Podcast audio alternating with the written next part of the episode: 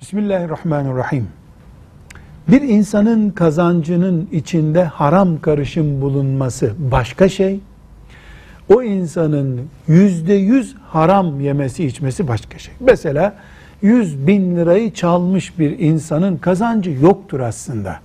Olduğu gibi başkasına aittir. Onun ne zekatını verebilir, ne sadakasını verebilir. Benim param var da diyemez. Ama 100 bin lirası var. Bunun içine 50, 100, 20, 30 haram karışmıştır. Bu da seçilip çıkarılacak durumda değildir. Bu Müslüman zekatını verir. Haram paranın zekatı olmaz. Kazancına haram karışmış olsa da birisinin zekatı olması lazım. Velhamdülillahi Rabbil Alemin.